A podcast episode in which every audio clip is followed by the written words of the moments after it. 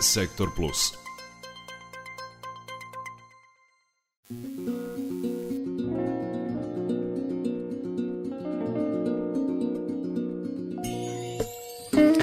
Dvanaest časova i 15 minuta, još malo smo sa vama u emisiji od A do Š Radio Novog Sada.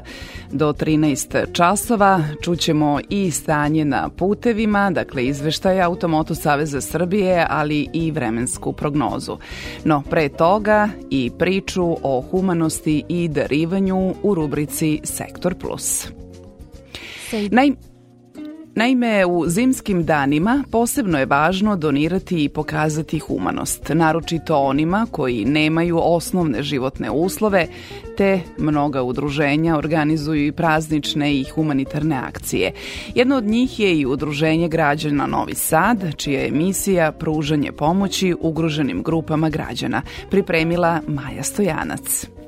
Sa idejom pružanja pomoći osobama koje su životno ugrožene, Udruženje građana Novi Sad već osam godina okuplja humanitarce, sugrađane koji su spremni da u svako doba pomognu onima kojima je to potrebno, objašnjava za Radio Novi Sad predsjednik udruženja Goran Bajšanski.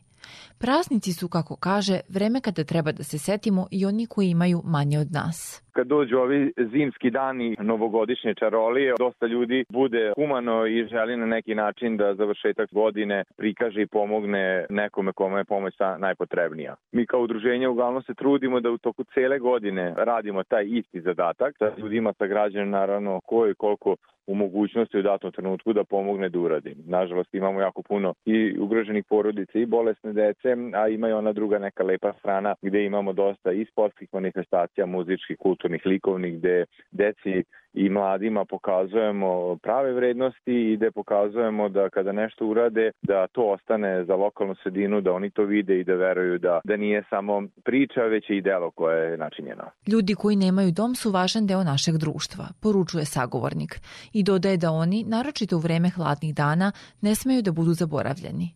Novogodišnji i božićni praznici su stoga prilika da pomognemo, poklonimo i nekog obradujemo, kaže Bajšanski ne treba da okrećemo glavu od njih, već treba uvijek da im pružimo i pomognemo koliko možemo. Mi tokom cijele godine apelujemo preko društvenih mreža, medija, radija, da ljudi koji žele da doniraju, da li je to hrana, da li je to lična higijena, odeća, obuća, nameštaj, ko misli da može da donira, da pokloni nekom, da ćemo mi doći po to. Poenta jeste samo da se preko društvenih mreža, da li Facebooka ili Instagrama, pošalju poruku i neko od naših volontera u toku jednog dana ili dva dana će doći da to preuzme. Mi kada sakupimo to sve zajedno, onda odnesemo te zaiste u instituciju ili ugroženim porodicama za koje trenutno sakupljamo nešto. Osim humanitarnim, Udruženje građana Novi Sad bavi se i društveno-obrazovnim radom.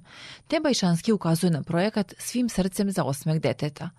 Ta akcija podrazumeva dolazak 40 rođaka sa Kosova i Metohije u Novi Sad, objašnjava sagovornik, najavljujući da je dolazak mališana planiran za drugu polovinu januara svake godine iz druge opštine, iz drugog mesta i to pokazujemo da deca na jugu Srbije nisu sama, da nisu zaboravljena i da građani, to je đaci iz Novog Sada misle na njih i da žele da ih svake godine, svaki januar ovaj ugoste.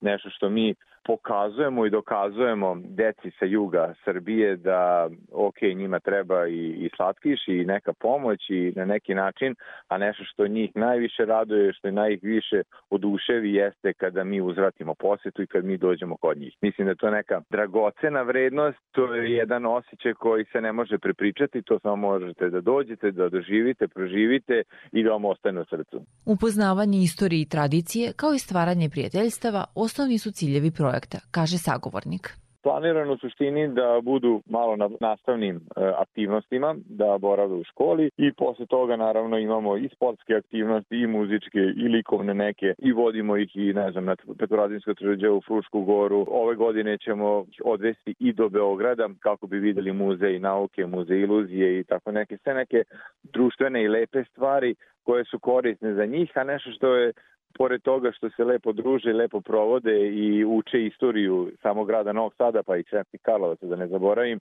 najveća vrednost jeste da 24 časa drugar i drugarica sa Kosovo Metohije iz Novog Sada provedu 24 časa zajedno da žive jedan zajednički život i da steknu jedno veliko prijateljstvo.